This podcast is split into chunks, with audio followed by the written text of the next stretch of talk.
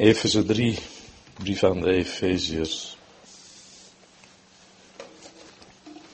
Vanaf vers 14. Om deze oorzaak buig ik mijn knieën voor de Vader van onze Heer Jezus Christus, naar wie elke familie in hemelen en op aarde wordt genoemd, opdat Hij, naar de rijkdom van Zijn heerlijkheid u geeft, door Zijn geest met kracht gesterkt te worden naar de innerlijke mens, zodat Christus door het geloof in uw harten woont, terwijl u in de liefde geworteld en gegrond bent, opdat u ten volle in staat bent te begrijpen met alle heiligen wat de breedte, lengte, hoogte en diepte is, en te kennen de liefde van Christus die de kennis te boven gaat, opdat u vervuld wordt tot de hele volheid van God. Hem nu die in staat is zeer overvloedig te doen boven alles wat wij bidden of denken, naar de kracht die in ons werkt, Hem zij de heerlijkheid in de gemeente en in Christus Jezus tot in alle geslachten van alle eeuwigheid. Amen.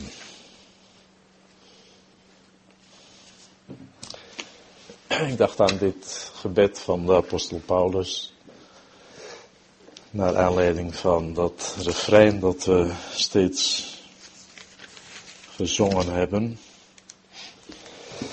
O de hoogte, lengte, diepte van zijn liefde zonder pijl.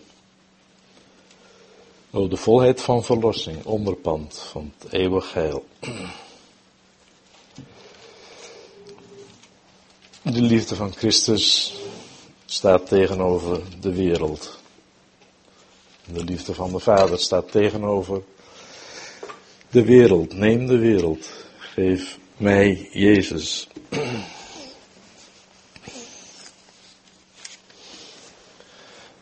Ik wil eigenlijk met u kort nadenken over die afmetingen die hier genoemd worden in vers 19. Waar we dus ook over gezongen hebben. Hoogte, lengte, diepte. En hier in vers 19 is ook sprake van de breedte. Nu zou je denken, het gaat daar in vers 19 van Efeze 3 evenals in het lied om de rijkdom van de liefde van Christus. Maar de vraag is of hier in vers 19 van Efeze 3 met die maten uh, ook gedoeld wordt op de afmetingen van de liefde, de, de omvang van de liefde. Het gaat in eerste instantie in deze versen om de rijkdom van Gods raadsbesluit. In Christus, wat Hij in Christus heeft opgevat, voor alle eeuwen. En dat zouden we, daar bidt apostel voor dat we dat raadsbesluit, wat hij in deze hoofdstukken uiteengezet heeft, de voorliggende hoofdstukken 1 tot 3, dat wij dat raadsbesluit zouden kunnen bevatten en de omvang daarvan zouden kunnen doorgronden, voor zover dat mogelijk is voor onze beperkte begrippen. Hij bidt eerst dat we gesterkt zouden worden door de Heilige Geest naar de innerlijke mens, zodat Christus door het geloof in uw harten woont, terwijl u in de liefde geworteld en gegrond bent. De apostel bidt in hoofdstuk 1 dat we dat raadsbesluit zouden kunnen begrijpen. In dat eerste gebed wat we in Efeze 1 vinden. Daar gaat het over de rijkdom of de hoop van Gods roeping, de rijkdom van de heerlijkheid van zijn erfenis, vers 18. En de grootte van zijn kracht, jegens ons die geloven, naar de werking van de macht van zijn sterkte die hij heeft gewerkt in Christus door hem uit de doden op te wekken en hem aan zijn rechterhand te zetten in de hemelse gewesten. Dat zijn eigenlijk meerdere thema's, maar een van die onderwerpen is dat we zouden begrijpen wat Gods plan is, wat Hij in Christus heeft opgevat door Hem uit de doden op te wekken en Hem die heerlijke verheven plaats te geven aan Zijn rechterhand in de hemel. Dat hoort allemaal bij Gods raadsbesluit en we moeten dus zien wat er met Christus gebeurd is. Hij is gestorven, begraven, maar hij is ook opgewekt uit de doden. En hij heeft nu die heerlijke verheven plaats ontvangen aan Gods rechterhand. Opdat hij daar het centrum zou zijn van al Gods plannen met deze wereld, met Israël, met de gemeente. Maar in Efeze 3 gaat het om het, het, kennen en het genieten van dat geheimenis wat God heeft opgevat in Christus. En het wonderlijke is dat niet alleen de Heilige Geest in ons woont, maar dat Christus, die dus, die het centrum is van Gods plannen en gedachten, en die dus verheven is aan Gods rechterhand, diezelfde persoon ook door het geloof in ons harten woning gemaakt heeft.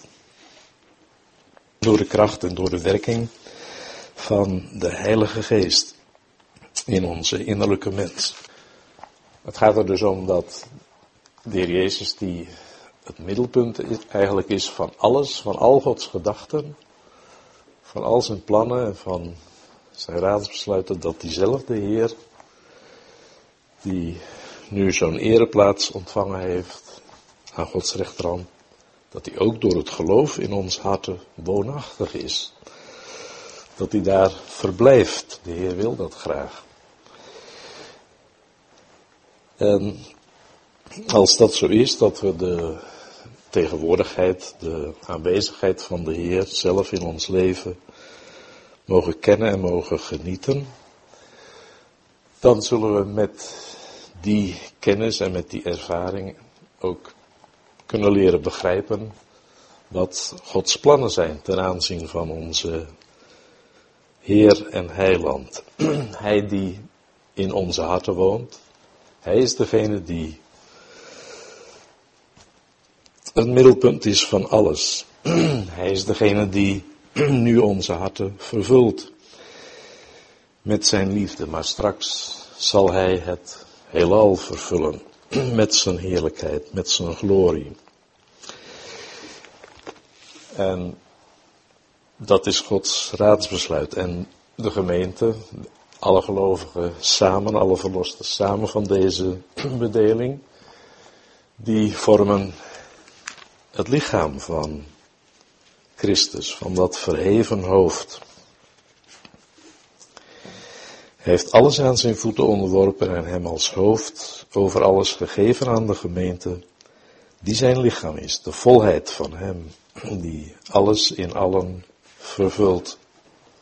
Nu, als we de Heer kennen en als we hem toebehoren, als we hem lief hebben, dan vervult hij onze harten in de eerste plaats met zijn liefde. Waarover we ook gezongen hebben. Een liefde die we niet kunnen peilen. En dat zegt vers 17 ook van Efeze 3, terwijl u in de liefde geworteld en gegrond bent. Dat is ook een bijzondere uitdrukking. Dat wekt eigenlijk de indruk dat de liefde van God en de liefde van Christus de voedingsbodem is, waarin we geplant zijn.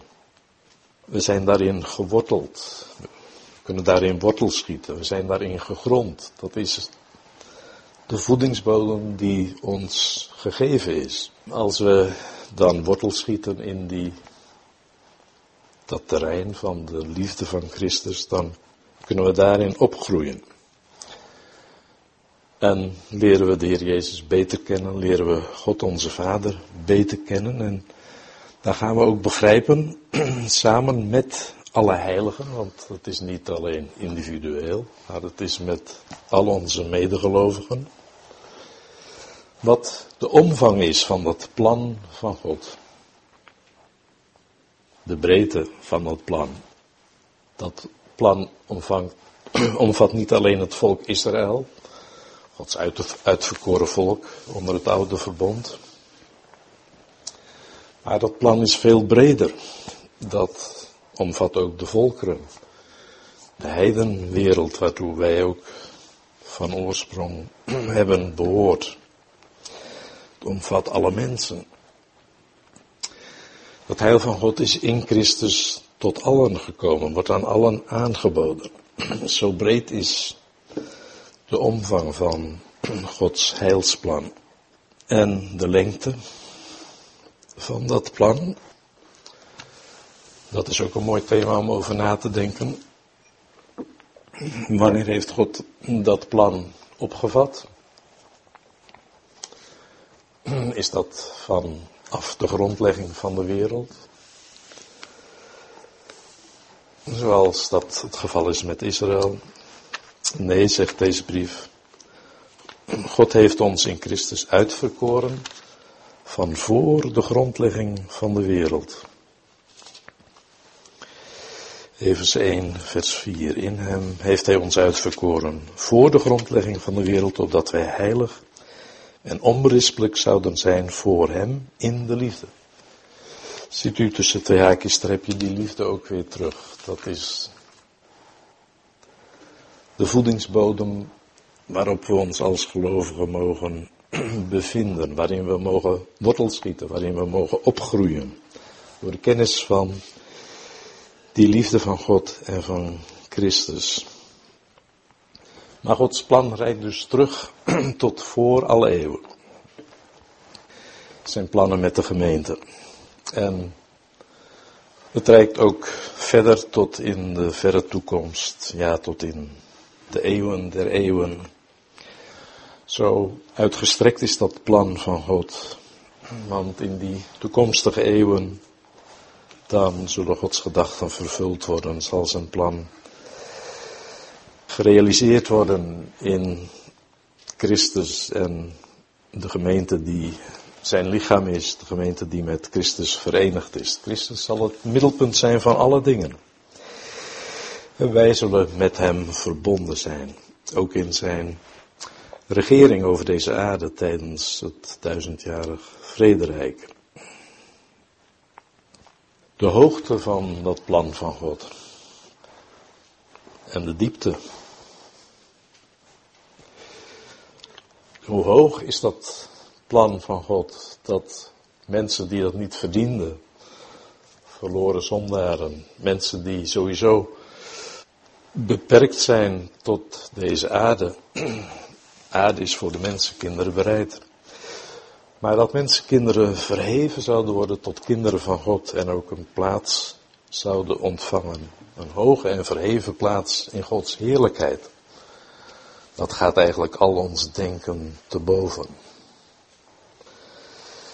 Zo hoog zijn de gedachten van God dat die verloren zondaren wilde verbinden met zijn zoon. En zo hoog als de Heer verheven is, zo hoog zullen wij ook met Christus verbonden zijn, met Hem verheven en met Hem verheerlijkt worden. Zoekt dan de dingen die boven zijn, zegt dezelfde apostel in de brief aan de Colossensen. Bedenk de dingen die boven zijn, niet die op de aarde zijn. De hoogte, dat is het thema waar het lied, het refrein van lied 222, lied 221 mee begint. O de hoogte. Lengte en maar dan de diepte. Hoe diep is dat plan van God en hoe diep is de Heer Jezus afgedaald? We hebben daar vanmorgen ook aan mogen denken. Hoe diep Hij zichzelf vernederd heeft. Ja, tot in de dood, de dood van het kruis is hij neergedaald. Hij is gestorven en begraven. Hij is in de groeven gelegd. Zo diep heeft hij zich vernederd. Hij is neergedaald, zegt Efeze 4 vers 9, naar de lagere delen van de aarde. Dat is de groeve, het graf, waar hij is neergelegd. Maar hij is niet in de dood gebleven. Hij is degene die ook is opgestaan, die is opgevaren boven alle hemelen. Efeze 4 vers 10. Hij die is neergedaald, diezelfde persoon die zich zo vernederd heeft, die in het graf gelegd is. Het is dezelfde die ook is opgevaren boven alle hemelen, opdat hij alles zou vervullen. Geweldige contrasten tegenover die diepte van het lijden van onze Heer en Heiland staat die hoogte, die verheven plaats die hij nu mag innemen. Boven alle hemelen, opdat hij alles zou vervullen. De hoogste plaats. De grootste eer is hem gegeven. En dat hoort dus bij dat grote plan van God met deze wereld. Gods plan met zondaren, Gods plan met de gemeente.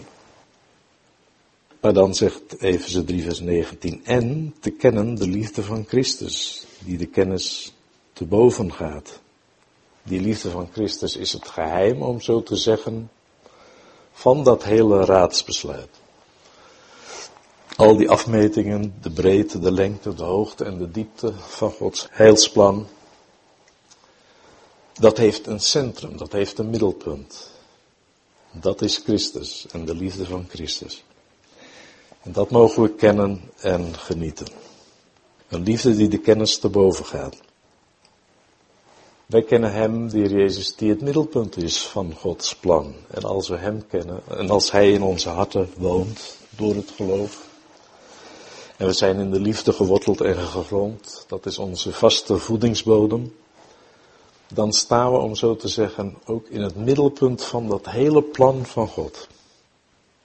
Doordat we met Christus het centrum, het middelpunt verbonden zijn. En zijn liefde mogen we kennen en genieten. En het is een liefde die de, kennis te boven gaat. En in die zin is het natuurlijk ook in overeenstemming met dit lied wat we gezongen hebben. Die liefde is ook niet af te meten. Maar het gaat dus in eerste instantie om Gods plan, Gods raadsbesluit in deze brief. En ook die afmetingen waarover we nu mogen nadenken, die hebben in eerste instantie daarmee te maken. En als we ons zo mogen bezighouden met de liefde van Christus, die de kennis te boven gaat, dan groeien we. En dan worden we vervuld tot de hele volheid van God. Dat is ook een hele bijzondere uitdrukking. Want natuurlijk worden wij geen goden gemaakt door dat heilsplan. We blijven mensen, maar God legt in onze harten datgene wat goddelijk is van oorsprong. We worden vervuld tot de hele volheid van God. We worden in overeenstemming met God gebracht. Doordat we die liefde in ons woont en werkzaam is. En doordat we ook licht geworden zijn in onze Heer en Heiland. En beantwoorden aan de reinheid, de heiligheid van God. Je zou het kunnen vergelijken met, met een vat, wat, een voorwerp wat in het water gegooid wordt of in de oceaan gegooid wordt. De oceaan, het water is dan in dat vat, in dat voorwerp. En het is vol daarvan, vol water. Maar natuurlijk die hele oceaan, die, dat kleine vat, kan die hele oceaan niet bevatten. En zo is dat ook met de liefde van God en met die volheid van God, die kan in onze harten wonen. We mogen daarvan genieten, kan onze harten vervullen. Maar het blijft een oceaan, een zee van liefde die, die wij niet kunnen peilen. En die al onze gedachten, onze kennis te boven gaat. En dat is de wil van God voor ons als gelovigen. Is dat niet heerlijk dat God wil dat we genieten van de liefde van Christus en van de liefde van God onze Vader? Als wij bidden, dan staat dat meestal in verband met onze noden, onze behoeften, onze wensen. En we mogen die wensen ook aan de Heer voorleggen. Maar hier gaat het bij dat bidden in de eerste instantie om de kennis van de liefde van God en van Christus. Hem nu, die in staat is zeer overvloedig te doen boven alles wat we bidden of denken, naar de kracht die in ons werkt. Hem zij de heerlijkheid in de gemeente en in Christus Jezus. Ziet u dat is een eeuwig loflied tot in alle geslachten van alle eeuwigheid. Hem zal eer gegeven worden. Hem wordt eer en heerlijkheid gebracht in de gemeente. Gemeente van de verlosten, die een onderdeel is van het grote heilsplan van God. De gemeente is ertoe bestemd om Hem te verheerlijken. En dat zal niet ophouden als we de aarde hebben verlaten. Die lofzang, dat is een eeuwige lofzang. Die zal klinken in de hemel tot in alle geslachten van alle eeuwigheid.